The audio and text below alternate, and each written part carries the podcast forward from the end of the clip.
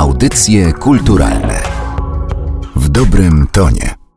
Fantastyczne zwierzęta, egzotyczne rośliny, tajemnicze portrety i krajobrazy. Do 4 lutego Narodowa Galeria Sztuki Zachęta prezentuje obszerny przegląd obrazów Marii Anto. To pierwsza tak duża wystawa pracy od śmierci malarki. O jej oryginalnym spojrzeniu na sztukę rozmawiamy z kuratorem Michałem Jachułą.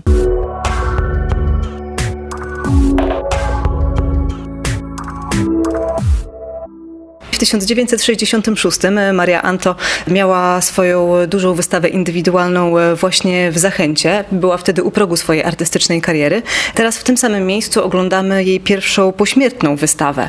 To jest pewnie okazja i do przedstawienia tej artystki tym, którzy jej nie znają, i do przypomnienia tym, którzy być może o niej zapomnieli, ale też pewnie do spojrzenia na jej malarstwo z innej perspektywy. Starsze pokolenie na pewno dobrze pamięta Marię Anto, ponieważ była bardzo znaną osobą w świecie sztuki, miała dużą karierę na polskiej scenie artystycznej, ale również na międzynarodowej. Michał Jachuła, kurator wystawy Marii Anto. Wystawa, którą obecnie pokazujemy jest pierwszą dużą pośmiertną wystawą artystki i ta wystawa obejmuje około 70 prac. Przede wszystkim są to obrazy olejne, ale też wybór kilku rysunków oraz wybór archiwaliów prezentowanych w dwóch gablotach. Nasza wystawa koncentruje się na latach 60 60., 70.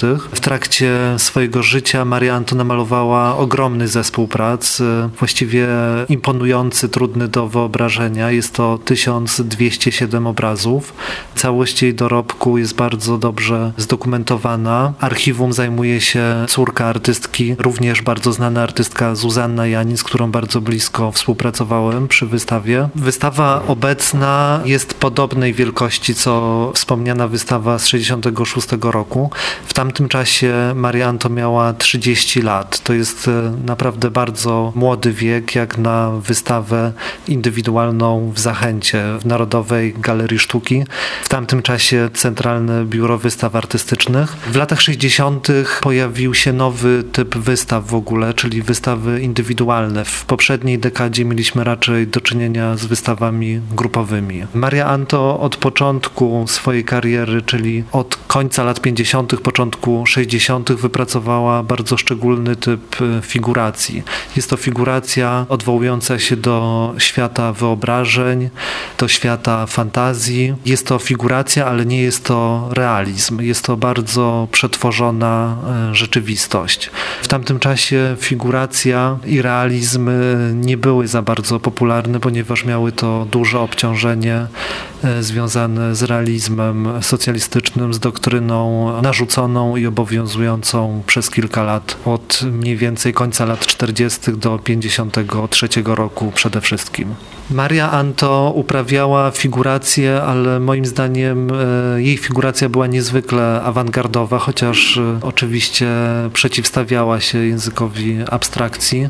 Abstrakcja w tym czasie była dominująca, ale też było kilka nurtów e, sztuki figuratywnej, które między innymi bardzo popiera wspierał Ryszard Stanisławski, w tamtym czasie kurator wystaw. Kilka lat później objął stanowisko dyrektora Muzeum Sztuki w Łodzi i dzięki niemu Muzeum i Sztuka Polska stały się bardzo znane na świecie. W wieku 27 lat na zaproszenie Ryszarda Stanisławskiego Maria Anto uczestniczyła w Biennale w San Paulo.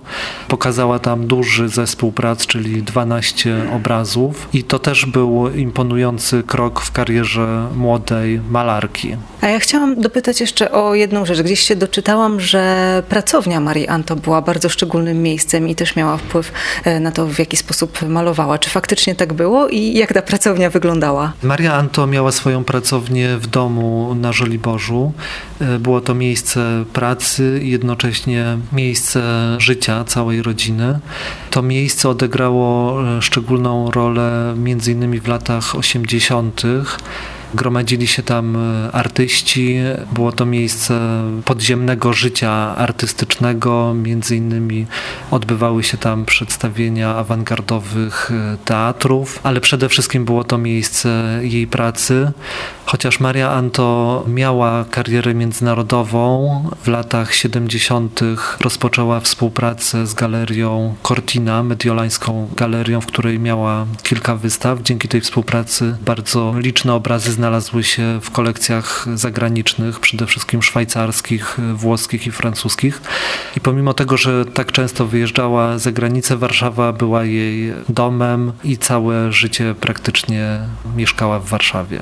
I wracając do tej wystawy, którą można teraz oglądać e, w Zachęcie, te obrazy zostały pogrupowane według kategorii. Przechadzając się po wystawie, możemy oglądać, w jaki sposób Maria Anto przedstawiała coraz to inną tematykę, bo mamy i przedstawienia postaci, i jakichś baśniowych stworów, i obrazy, które są najbardziej realistyczne, tam gdzie znajdzie się innymi drużyna piłkarska lub obraz przedstawiający zawody żeglarskie w Giżycku. Maria Anto przez całe życie malowała portrety, pejzaże, przedstawienia zwierząt i chociaż wystawa koncentruje się na latach 60., 70., moim zdaniem ona bardzo dobrze pokazuje zainteresowanie artystki i sposób e, obrazowania, ponieważ w późniejszych latach tematyka i styl pracy nie zmieniły się za bardzo. Troszeczkę zmienił się sposób e, malowania, ale w czasie właściwie wszystkich dekad e, swojej pracy Malowała zarówno zwierzęta, portrety, sceny narracyjne i pejzaże. Bardzo często te różne wątki mieszają się ze sobą, ponieważ na przykład zwierzęta występują w obrazach przedstawiających sceny narracyjne na tle fantastycznych y, krajobrazów, czy na przykład portrety zwierząt są bardzo bliskie portretom prawdziwych y, osób. I jeszcze trzeba chyba wspomnieć o samochodzie, którego właścicielką była Maria Anto, który także jest bohaterem jej obrazów. Mamy na wystawie bardzo piękny obraz y, zatytułowany Portret samochodu i jest to portret Jaguara. W latach 70. Maria Anto jeździła po Warszawie Jaguarem i wzbudzała tym samochodem bardzo dużo emocji, zarówno pozytywnych, jak i negatywnych. W ogóle warto wspomnieć, że Maria Anto bardzo różniła się, odstawała od y, schematu malarki czy malarza. Była bardzo barwną postacią. Właściwie można powiedzieć, że nie pasowała do tej szarej rzeczywistości y, PRL-u. Była bardzo charyzmatyczną, piękną kobietą.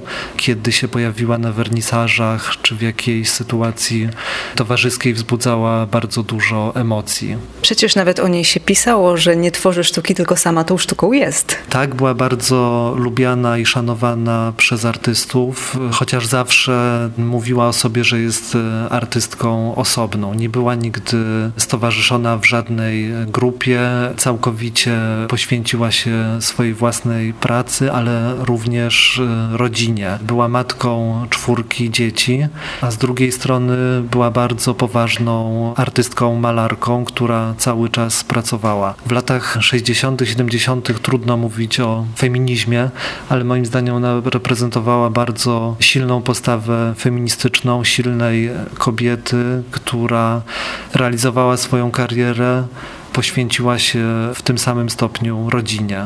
Ona chyba nawet kiedyś powiedziała, że na szczęście udało jej się tego dokonać, ale gdyby musiała wybrać, wybrałaby jednak rodzinę, z tym, że no do końca życia pewnie miałaby serce złamane. Malarstwo było jej jakby powietrzem. Ona bez malarstwa zupełnie nie potrafiłaby żyć.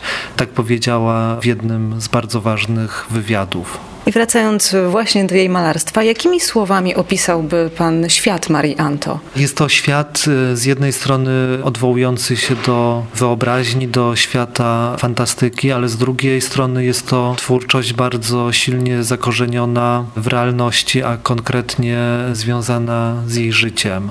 Od początku malowała portrety swoich dzieci. Ważną sprawą jest to, że mieszała różne porządki czasowe, to znaczy przeszłość, teraźniejszość i przyszłość. E, malowała na przykład e, portrety córki Zuzanny, zanim Zuzanna się narodziła, a z kolei w portretach zbiorowych e, malowała żyjących i nieżyjących członków swojej rodziny. Na wystawie prezentujemy m.in. obraz z kolekcji Zachęty.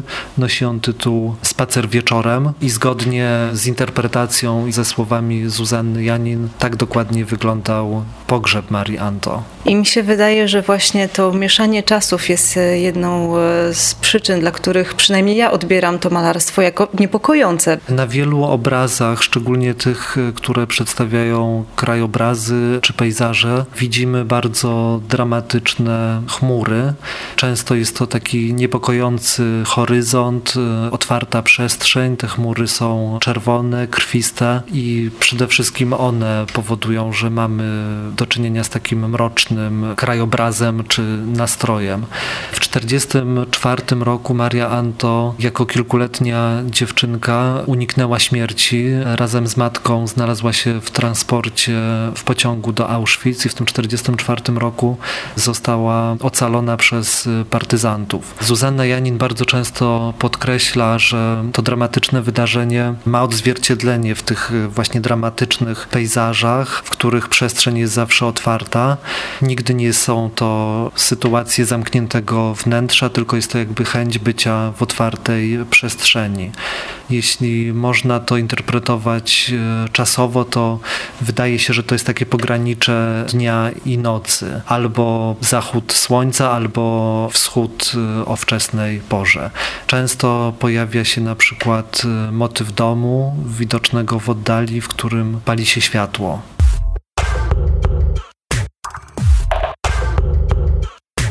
Materiał przygotowała Magdalena Miszewska.